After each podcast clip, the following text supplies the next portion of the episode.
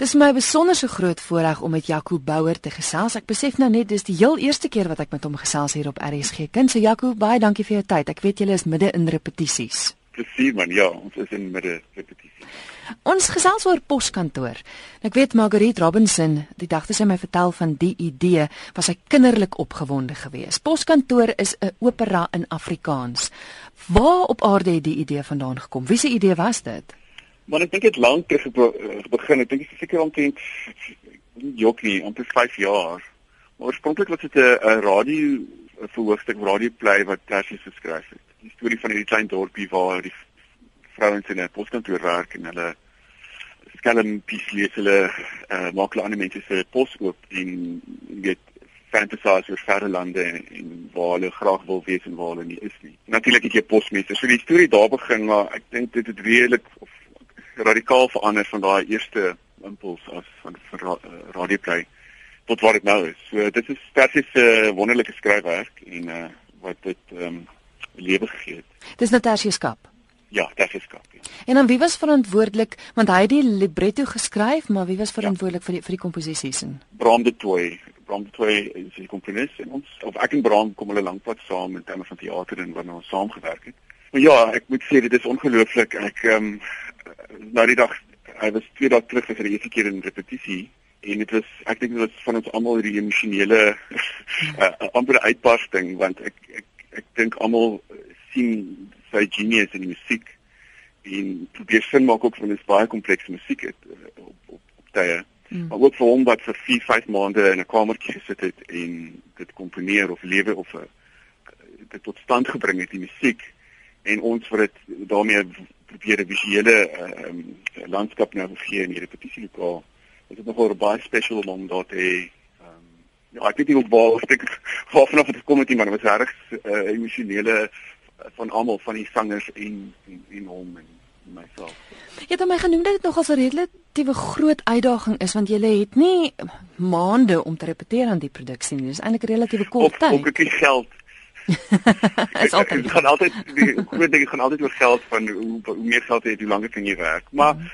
ek moet sê dit is wonderlik van aardklop en al die al die mense wat dit dit moontlik gemaak het dat ons dit kan doen. Dit is regtig wonderlik vir my om om, om my eerste opera te kan doen en vir Brahms se eerste opera kom te komponeer et cetera. So ek dink dit is reg is reg ja, verskriklik exciting, 'n uh, nuwe terrein, nuwe genre vir baie van ons. Vir my ook om in netwerk met ek weet hoe ek werk met akteurs nou werk ek met 'n hele ander genre mm, van mm. performer. So ja, ek is um, ek is ja, kinderlik opgewonde. uh, as ek my stress levels kan hanteer uh, oor die stuk so uh, ja, ek ek sien uit om om mense se reaksies te sien en ja. Ek wil ons gou kyk na die na die taal Afrikaans. Kyk oor die algemeen opera as mos hierdie pragtige mooi Italiaans en Duits en alles dit dis dis baie poëties en en 'n klomp mense het al gesê Afrikaans Afrikaans is moeiliker. Ek weet Nathaniel het gesê hy skryf glad nie Afrikaanse musiek of bitter min Afrikaanse musiek want Engels vloei vol makliker. Werk die Afrikaans of of of het dit ook sy uitdagings gehad? Ek dink absoluut. Ek dink dis waar Tarsies weer inkom. Hy's ongelooflik. Ek nie ek nie weet hy so poeties nie. Um, hmm.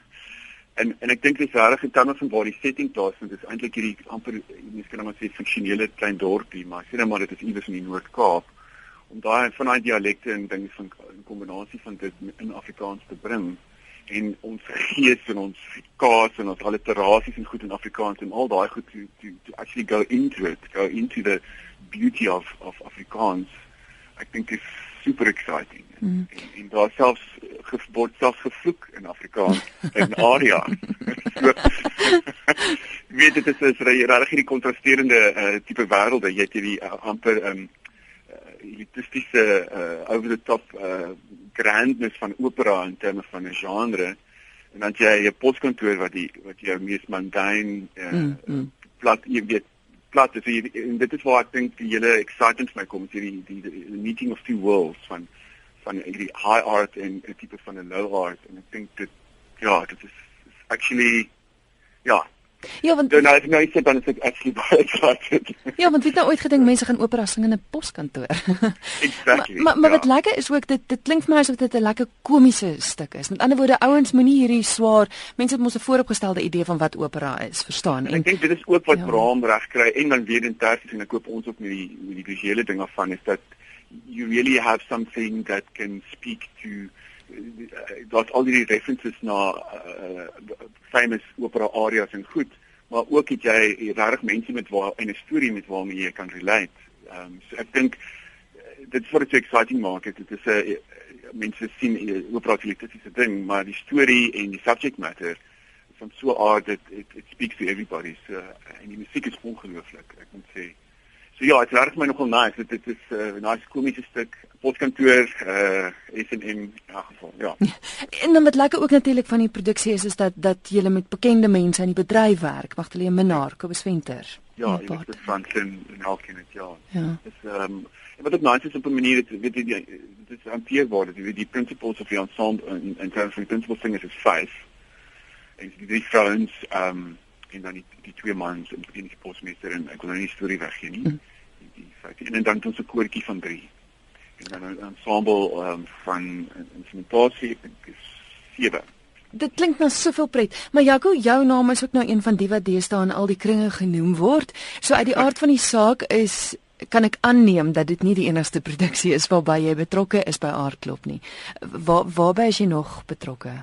Man is 'n ding uh, ek doen na Aap. Ehm um, dis 'n stuk wat laas jaar geopen het ehm um, by Aardklop en die Klerkolof se ehm um, speel daar en dit het hom sy enkel ehm um, ligament geskering.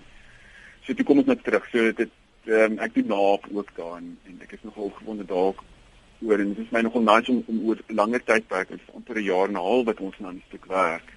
Elke nou en dan mm. om om dit weer terug te vat so. So dis maar die verwerking van 'n Kafka, Frans Kafka ehm um, kort storie. Um, uh, verslag in akademie wat Marius Weyers destyds gedoen het. Ek wou nou net sê maar as hy nou 'n verwerking van dit wat Marius destyds gedoen het. Ek ons gebruik dieselfde storie maar ek dink ek, ek ek wat ons mee begin praat het toe ek in die klas begin werk daaraan is om om dit weer miskien speel met met nuwe vorme van tegnologie in terme oh. van aandering van taal, ehm um, kondisionering want dit is maar eintlik sekere temas wat aangespreek word in die stuk van van 'n man wat 'n verslag gee in 'n akademie van sy vorige lewe as 'n aap. So ek dink ek werk dan met met moderne forme van uh, tegnologie om om om om dieselfde storie nou onder is omtrent presies 100 jaar later wat dit geskryf was oorspronklik. Ja. Ehm um, deur Frans Kafka om dit dan ehm um, tot 'n jonger audience te spreek. So ek gebruik maak gebruik van videoprojeksies ehm um, projection mapping um infrarooi uh sound uh, reactive ek kon net maar die terme in um, die tegnologie om die storie te vertel of die storie van Frans Kafka te dekonstrueer